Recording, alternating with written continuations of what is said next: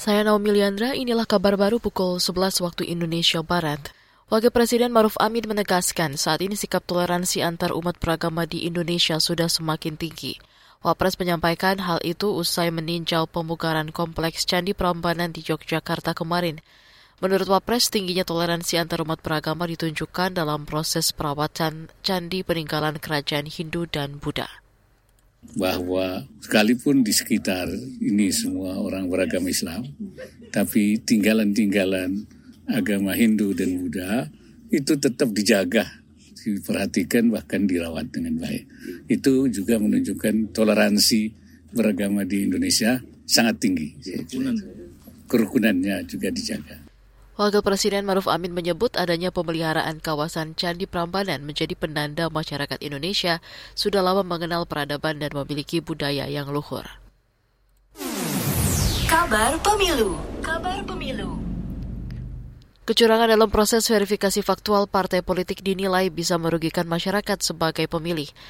Hal itu disampaikan pakar hukum tata negara dari Universitas Andalas, Ferry Amsari, merespon potensi kecurangan verifikasi faktual yang disampaikan Lembaga Anti Korupsi ICW.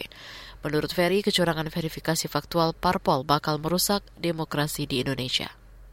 Kalau kemudian diverifikasi faktual ini dilakukan penyimpangan, maka bukan tidak mungkin partai yang sesungguhnya tidak layak menjadi peserta pemilu uh, menjadi diluluskan menjadi peserta pemilu. Sehingga kita merasa ini akan merusak ya uh, gagasan penyederhanaan partai politik yang menurut kita penting. Kenapa? Karena sering kali orang ala kadarnya buat partai politik hanya menjadikan partai menjadi alat transaksional, bukan alat mendidik kader dan masyarakat masyarakat di dalam ruang-ruang politik.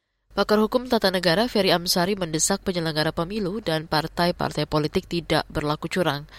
Sebelumnya, peneliti ICW Kornia Ramadana menyebut ada potensi kecurangan jika Komisi Pemilihan Umum KPU melakukan verifikasi faktual partai politik secara tertutup. Potensi kecurangan mulai dari praktik korupsi, suap, hingga intervensi. KPU akan mengumumkan penetapan partai politik peserta pemilu 2024 pada Rabu lusa. Federasi Sepak Bola Dunia FIFA melakukan investigasi kericuhan yang terjadi di laga perempat final Piala Dunia 2022 antara Belanda versus Argentina akhir pekan lalu. Pertandingan tersebut berjalan panas dan keras hingga membuat wasit mengeluarkan total 18 kartu kuning untuk kedua kubu. Beberapa pemain Argentina juga mengkritik kinerja wasit dalam wawancara setelah laga. Dalam pernyataan resminya, Komite Disiplin FIFA melakukan investigasi terhadap Federasi Sepak Bola Argentina atas kemungkinan pelanggaran disiplin.